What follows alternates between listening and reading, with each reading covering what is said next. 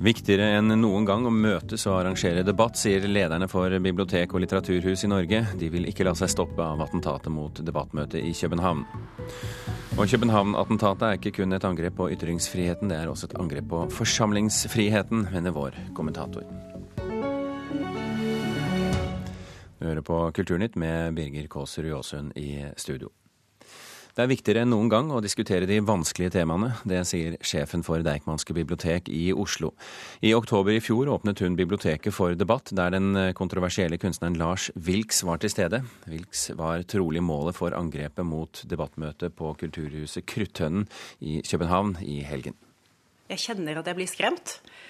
Fordi dette er nok et eksempel på at vi står overfor store utfordringer med å forstå hverandre, rett og slett. Men jeg sier jeg blir skremt, men jeg nekter å være redd. For Kristin Danielsen, sjef ved Deichmanske bibliotek i Oslo, vil ikke la terroristene vinne. I høst deltok den svenske kunstneren Lars Wilks i en debatt i biblioteket hennes.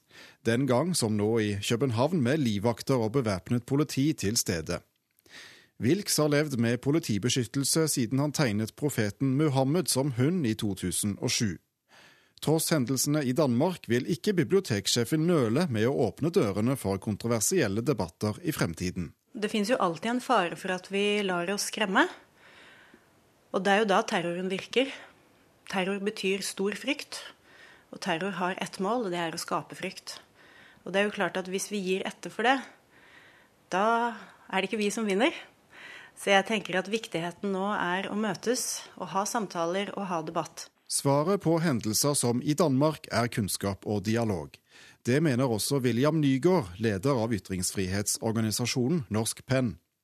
Selv ble han utsatt for attentat i 1993 etter å ha gitt ut boken 'Sataniske vers' av Salman Rushdie. Det er eh, ikke minst da vår oppgave som representerer både ytringsfrihetens stemme, men også medienes oppgave og skolens oppgave og universitetenes oppgave. Og vi alle har en eh, sentral funksjon i å skape dialog, eh, tillit, men også kritisk grensesetting. Og Det har jeg tenkt veldig mye på både etter hendelsene i Paris og hendelsene nå. At nettopp dette med kritisk refleksjon er viktigere enn noensinne. Så selv om det er skremmende å se hva som skjer, så må vi ikke stoppe. Det er viktig at mordere ikke skal kunne endre samfunnssystemet vårt og hindre det frie ord, sier Lars Wilks. Men om han selv kan delta på nye møter, er opp til svensk sikkerhetspoliti å bestemme. Så Det er svårt å si hva man kommer å ta stilling til framtredende framover. Altså det, det, er jo en sak altså Man kan jo alltid klare ut gjennom å uh, forsterke bevakningen. Det, det, det, kan man gjøre. Altså, Spørsmålet er hvor langt man vil gå. Det sa Lars Wilks i et intervju med Sveriges Radio. Det er uh, trolig at Wilks var målet for attentatet mot debattmøtet, altså. Og reporter i denne saken, det var, Lars, eh, det var uh, Thomas Alvarstein Ove. Andreas Wiese, daglig leder for Litteraturhuset i Oslo. Hvilke konsekvenser tror du attentatet i København får for Litteraturhusets virksomhet? Vårt mål er jo å fortsette virksomheten som før. Vi har det programmet vi har, og vi fortsetter å lage de eh, tilbudene vi lager. Og prøver å la dette i minst mulig grad gå utover eh, det prosjektet vi har. Men Betyr det at dere ikke kommer til å ta noen hensyn? Jeg vet ikke hensyn Altså, vi har et Vårt prinsipp er ganske enkelt at vi sørger for møtene, debatten og den type ting. Og så er det opp til politiet til enhver tid å vurdere sikkerheten og ta de tiltakene som de finner nødvendig, hvis det skulle være noe. Men Betyr det at dere kommer til å få uh, be politiet, eller, eller, er det hva enn skjer, skjer? Nei, altså hvis vi har et møte hvor vi vurderer at det kan være en risiko involvert, så gir vi politiet beskjed om at det møtet finnes. Men beslutningen om hva som da gjøres, tilhører jo da politiet. Hva slags uh, endring i sikkerhetsvurdering gjør dere nå etter dette angrepet i København? Eh, vi ser på hvert enkelt møte og ser om disse møtene på noen måte kan eh, innebære noen form for økt risiko. Og hvis de gjør det, så diskuterer vi det med dem som har eh, som mål å ivareta sikkerheten til Oslos borgere. Tror du at det er noen som kommer til å invitere Lars Wilks etter dette? På en generell basis vil jeg si at det håper jeg. Det ville, altså man kan ikke stoppe debatten fordi, øh, fordi, noen prøver å stoppe den. Det eneste svaret vi har her, er å fortsette som før. Betyr det da i prinsippet at f.eks. Litteraturhuset i Oslo kan invitere Lars Vilks til, å, til debatt? I prinsippet, ja. Eh, selv om du sier at eh, dere skal fortsette som før, og ønsker å fortsette som før, tror du at uh, dette kommer til å få konsekvenser litt frem i tid? Det er veldig vanskelig å spå om dette her. Det som jo er målet til disse som utfører disse angrepene, det er jo å øke frykten, slik at de påvirker samfunnet til f.eks. ikke å ha slike møter. Og så er det vår jobb å ha de møtene vi hadde tenkt å ha uansett men kanskje heller ikke bli drevet opp i den andre retningen og begynne å lage ting bare for å provosere tilbake. Det vil være helt meningsløst. Vi skal fortsette med denne tematikken videre i Kulturnytt, men vi skal ta en tur til Paris, for attentatet mot eh, satiremagasinet Charlie Hebdo i januar sitter fremdeles langt fremme i pariseres minne, og i går ble det arrangert en støttemarkering foran den danske ambassaden i byen. Og en av dem som var med, var Charlie Hebdo-medarbeideren Patrick Peyot. Jeg kjenner mig helt og holdent dansk, sier Patrick Peyot, läkaren och Charlie Hebdo-medarbetaren som anlände till tidningsredaktionen bara några minuter efter massaken där den 7 januari. Igår kom han till den danska ambassaden i Paris för att ge sitt stöd till Danmark i kampen för yttrande och pressfrihet. Han kallar den nya terrorismen för en form av fascism för att besegra den räcker det inte med att vara aktiv på sociala medier, anser han. Utan folk måste gå ut och manifestera på gator och avenyer och verkligen visa sitt stöd för press och yttrandefrihet, säger Patrick Peyot. On ne peut pas se cantonner à des mobilisations qui soient juste sur des réseaux sociaux. C'est plus possible. Igår kväll mötte cirka 300 personer upp vid den danska ambassaden nära Triumfbågen. Manifestationen anordnades av judiska studentorganisationen UEJF för att stödja yttrandefrihet och varna för antisemitism. Rädslan ska inte få segra, sa unge studentledaren Sasha Gozlan till Kulturnytt. Idag ska ännu en manifestation anordnas i Paris till stöd för Danmark. Den organiseras av det franska socialistpartiet. Och på dagstidningen Liberations omslag idag står det Vi är alla danskar. Den kände judiske författaren och SOS rasismmedarbetaren Marek Halter la ner blommor framför danska ambassaden igår. Han sa till Kulturnytt att vi har flera miljoner muslimer i Europa. Det är medias uppgift att påminna om att de inte är våra fiender. Framför den danska ambassaden ligger nu ett blomsterhav och där har även tänts stearinljus. Många av besökarna gick omkring med plakat där det stod Du är dansk och jag är dansk. Vi är alla danskar i ett allvarligt ögonblick som detta. När den danska ambassadören Anne Dorthe Riggelsen kom ut på Avenyn för att hälsa på folk sa en besökare vid namn Mohammed att som muslim vill jag visa stöd för Danmark. Det känns skönt att veta att så många muslimer ställer sig på yttrandefrihetens sida sa ambassadören och tackade djupt. Comme je, je m'appelle Mohamed euh, par ailleurs, je voulais euh, doublement vous présenter mes condoléances. Merci, merci, merci. Reporter i eh, Paris, eh, det var som vanlig Johan Tolgert. Morten Viskum, kunstner og mannen bak Vestfossen kunstlaboratorium, velkommen til Kulturnytt. Takk. Hvordan reagerte du da du fikk høre om attentatet i København? Man blir jo overrasket uansett um, om dette på en måte kunne ventes. Har jo, dette er jo ikke første gangen han har blitt truet, eller at det har skjedd attentater rundt um, debattmøter som han har deltatt i. Men likevel så blir det um, veldig sterkt når det kommer såpass nærme da, som Danmark. Det var jo hos deg i Vestfossen kunstlaboratorium at Lars Wilks stilte ut tegning av eh, Mohammed først. Dog ikke denne hundetegningen som har provosert så mange muslimer. Var du klar over hvor eksplosiv tematikk dette var da? Ja, altså sånn vi, vi hadde jo noen eh, runder med uh, lensmannskontoret i Øvre Eiker, og vi, vi var jo forberedt på at det kunne oppstå ting, men vi håpet og trodde at det, fordi det var i en annen, altså det var i en sammenheng med mange andre kunstnere som også jobbet med denne tematikken, at det ville oppfattes på um, en konstruktiv måte. Og så skjedde. Wilks har jo stilt ut hos deg, eh, men du hadde ham også som professor ved Kunstakademiet her i Oslo. Hva slags kunstner var han? Han var jo veldig Eller er han, da? Er han? er jo for så vidt levende um, Jeg hadde han i, i, i, teori, og han var min teoriprofessor. Og han hadde veldig stor betydning for, um, for meg og en del av de andre kunstnerne som gikk på Kunstakademiet den gangen. Um, kunstprosjektene hans handlet jo veldig ofte om det å provosere og ta den helt ut. Og jeg lærte ganske mye av han, og jeg også lærte hvordan jeg ikke ville bli som kunstner. Fordi han er veldig ekstrem på, på hvordan han utfører prosjektene sine. Så jeg kan jo ikke støtte han i, i alt det han gjør kunstnerisk, men jeg støtter jo ytringsfriheten hans. Ja, hvordan var det du ikke ville bli? Eh, han mente jo f.eks. da jeg stilte ut disse rotte- olivenglassene rundt omkring i norske butikker, at jeg eh, burde benekte at det var meg som hadde gjort det. Rett og slett for å få enda større eh, ringvirkning på kunstprosjektet. Og For meg handler det om å være ærlig.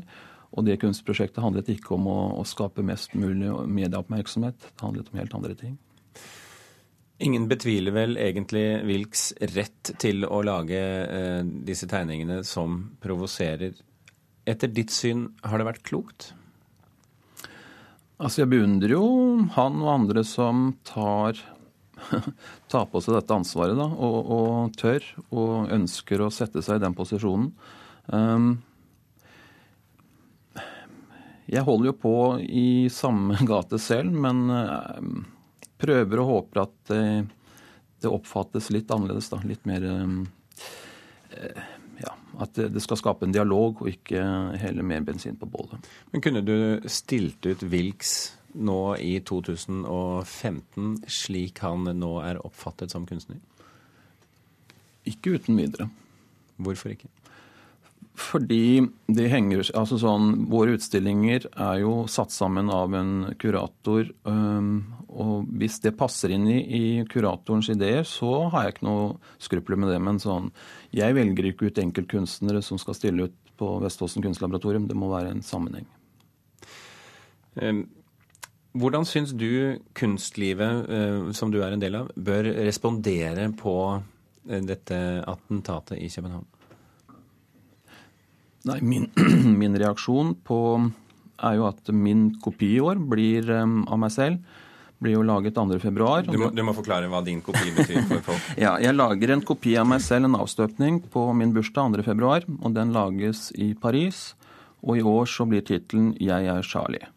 Um, så jeg er jo midt i, i, dette feltet selv for tiden. Um, den kommer til å bli vist enten i Paris eller i Vestfossen i, i mai.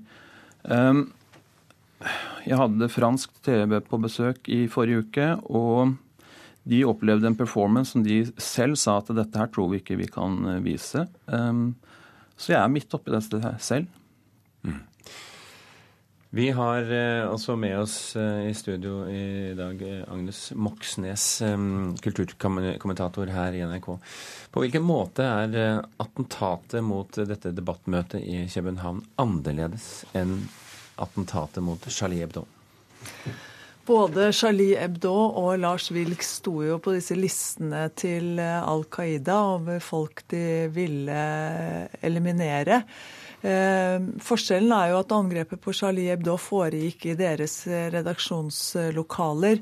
Mens da dette angrepet på Lars Wilks, hvis det var spesielt rettet mot ham, jo i realiteten ble et angrep på en, folk, en, en gruppe mennesker som var forsamlet et, til et møte for å diskutere kunst, ytringsfrihet og, og blasfemi. Sånn at eh, et spørsmål mange nå stiller seg, er jo om forsamlingsfriheten rett og slett er blitt eh, utfordret og truet nå gjennom det som, som skjedde i København denne helgen. Hva tror du? Eh, vi vet iallfall at politiet var tungt til stede i København. Lars Wilks hadde to livvakter. Det var flere andre livvakter og mye politi der. Likevel så skjedde dette her. Eh, antageligvis er det en eh, alenekriger, hvis man kan kalle han det. Det har vært vanskelig å knytte ham så langt til eh, IS eller Al Qaida. Sånn at det er, mange ting her som tilsier at den jobben som Andreas Wiese og biblioteker og forsamlingssteder skal gjøre fremover, er blitt endret i og med det som skjedde i København nå. Ja, for hvem vil invitere Lars Vilks nå?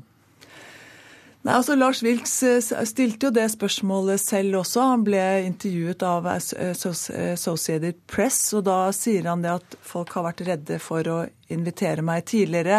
Mange møter jeg var invitert til, ble avlyst. Nå skulle han på dette møtet i København. Vi ser hva som skjedde. Eh, han er jo også blitt bedt av politiet om å holde en litt lavere profil i, i tiden fremover. Eh, prosjektet til Wilks har jo, som vi har vært innom her, eh, vært å lage kunst som setter i gang samfunnsprosesser. Eh, og som professor så har han jo påvirket kunstnere til å gjøre det samme.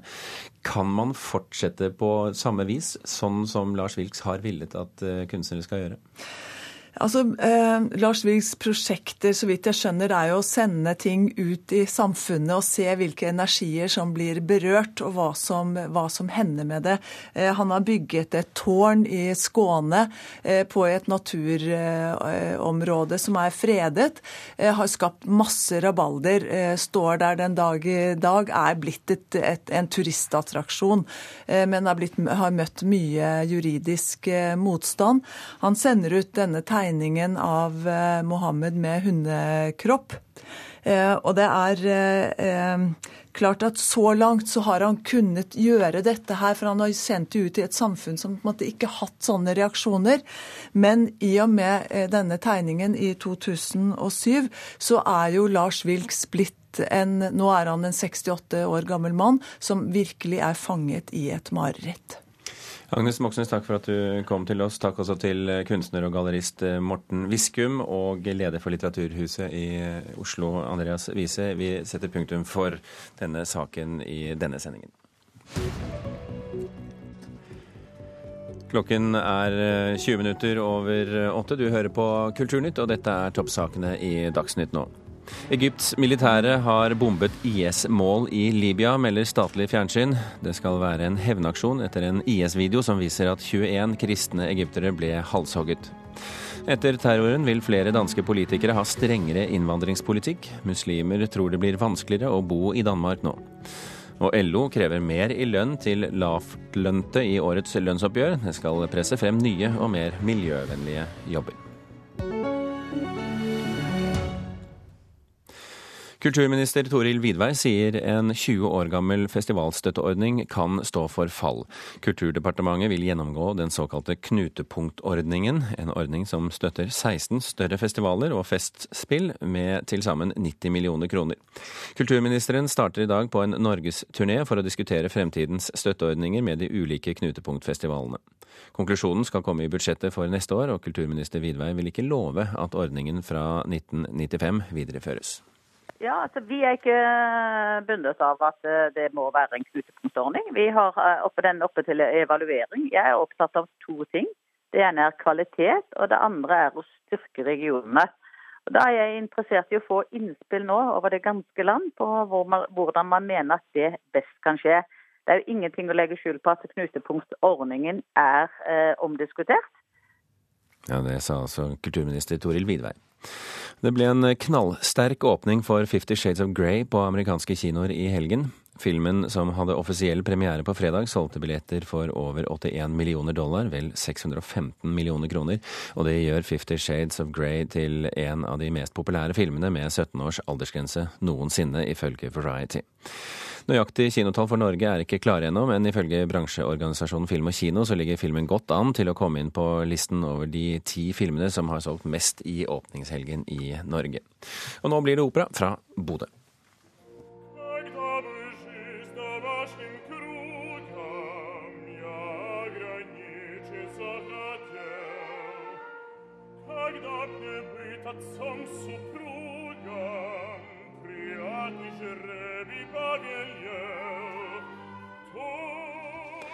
Lørdag kveld fikk nemlig bodøværingene oppleve opera for første gang i sitt nye kulturhus Stormen, som åpnet i november. Audun Iversen sto da i spissen for et ungt og bortimot helnorsk solistlag i Tsjajkovskijs eh, Eugen Onegin i en oppsetning som eh, er et samarbeid mellom Nordnorsk Opera og, og et TSO Musikkteater. Øystein Sandvik, velkommen til oss. Hvordan fungerte det fullscenisk opera i det nye kulturhuset? Du, Det fungerte helt utmerket. Det er jo en liten scene scene, men til gjengjeld så kommer man nærmere. Det blir mer intimt, og akustikken er helt utmerket. Også det gjør at orkesteret låter klart og nyanserikt. Og stemmene bærer tydelig ut eh, til bakerste benk, og dette satte publikum stor pris på. For dette var en oppsetning hvor de unge, talentfulle norske solistene virkelig imponerte stort. Ivar Tindberg hadde jo eh, regien på denne oppsetningen. Eh, hva er det han har gjort med, med dramaet fra tsartidens Russland? Ja, Ikke helt uventa så har jo da Tindberg modernisert uh, operaen. Og regigrepet er at det vi på en måte ser på scenen, er en prøve på Eugen Onegin uh, med to instruktører da, som går rundt og gir regi, viser hvordan koret skal bevege seg osv. Uh, eh, og så blandes da fiksjon og metafiksjon, sånn at det vi ser mot slutten, er da formodentlig en reell kjærlighetshistorie mellom Tatjana og Onegin. Eh, det er ikke et helt vellykka regigrep, fordi at eh, karakterene fratas eh, litt dybde, blir mer utydelige. De mer dramatiske scenene i operaen blir mindre gripende. Det gjelder f.eks. den berømte brevscenen i første akt, hvor Tatjana i forelskelsesrus da gir uttrykk for sine følelser overfor Onegin.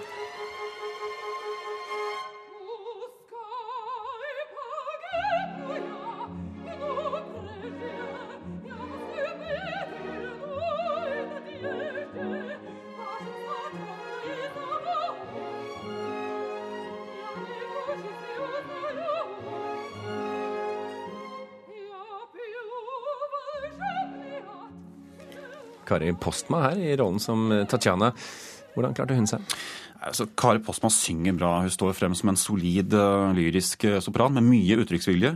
Og Likevel ble dette kanskje aldri helt noen gripende tolkning. Og så igjen har dette noe med regien å gjøre. At vi aldri får helt tak på hvem denne varianten av Tatjana er. da. Er det, er det forskjell på uttrykksvilje og uttrykksevne?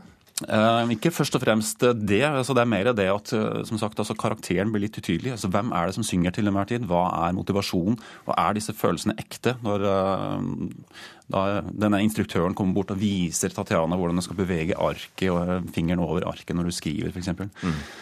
Hva med de andre solistene, da? Altså De to yngste her er jo virkelig en fryd å høre på. bror Magnus Tødenes, 21 år gammelt naturtalent. Han har virkelig gull i strupen.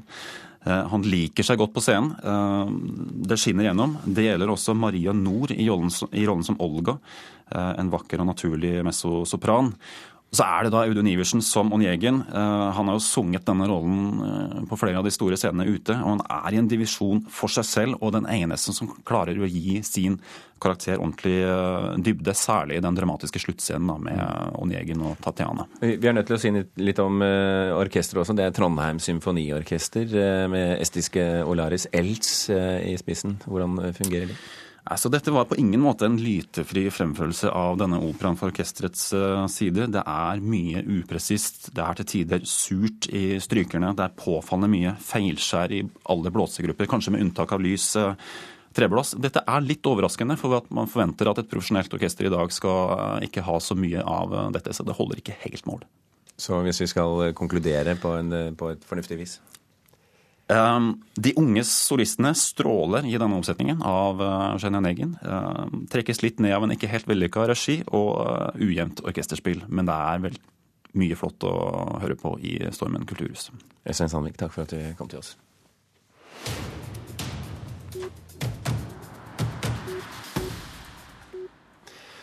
En gruppe svenske journalister har startet en kronerulling for kvalitetsreportasjer. Mediebransjen kutter kostnader, og færre journalister får drive utenriksjournalistikk. Men nå skal den svenske aksjonen samle inn én million kroner til reportasjer fra det som kalles de hvite flekkene på verdenskartet. Hei og velkomne til denne pressesendingen av Blankspot Projects lansering. Åtte svenske journalister har startet Blank Spot Project, en ny journalistisk satsing som vil være der de store mediene ikke er. Hva er det vi gjør egentlig? Og da finnes jo ingen bedre person å begynne med enn Martin Chibi. Problemet for de store mediene er penger, eller mangel på penger, rettere sagt. Initiativtaker til Blankspot Martin Chibi, vil la vanlige folk finansiere enkeltprosjekter med høy journalistisk kvalitet, og ikke da gjennom lisenspenger eller annonsører. Jeg kjenner nå at i den situasjonen som er for mediene, så, så må man finne nye plattformer for å kunne eh, finansiere den. For nordmenn er Shibi kanskje mest kjent som en av de to svenskene som satt fengslet i Etiopia i 14 måneder mellom 2011 og 2012. Grå sprinkelvinduer ble en inspirasjon for dette prosjektet. De erfarenhetene fra å ha vært fengslet i 438 dager og ja, de saker som, som, som vi ändå utsattes for, har, har gjort en än mer övertygad om, om vikten av journalistikk og, og journalistikens någonstans uppgift at bære hjem en berettelse, reporteroppdrag. Pressegeneral Kjersti Løken Stavrum ønsker crowdfunding hjertelig velkommen til Norge, men mener man må skille mellom spleising og sponsing. Når du da drar det over til sponsing, så er det Da snakker vi om store enkeltsummer som, som av naturlige årsaker kan, kan påvirke journalisten til å, til å vri innfallsvinkel. Eh, og da er det ikke fri journalistikk lenger, da er det, da er det bundet journalistikk. Stavrum tror crowdfunding vil også slå utover Norge i større grad i fremtiden, og roser det svenske initiativet og Shibby. Vi, vi forsøker liksom i denne innsamlingen forklare at, at journalistikk koster. Eh, det koster vaksinasjoner, forsikringer. Eh, og, og tydeliggjøre så hva, man, hva man får om man, om man, om man støtter oss med med penger. At det er et marked for at folk betaler for kvalitetsjournalistikk, er han ikke i tvil om. Eh, altså Det raser en mail som er typ av 'endelig', og hva skjønt at noen tar tak i dette. Jeg kan kjenne at det her er eh, blant det roligste jeg har lansert, og jeg håper virkelig at, at det flyger. Sa initiativtaker til Blankspot Martin Skibby. De har samlet inn 160 000 kroner så langt, og reporter var Adrian Nyhammer Olsen. Så tar vi med til slutt eh, at den iranske regissøren Jafar Panahi lørdag mottok Gullbjørnen for eh, beste film i Berlin for sin film 'Taxi'. Og det var det vi rakk. Andrea Kvamme Hagen, Espen Hansen og Birger Kåser Jåsund takker for følget.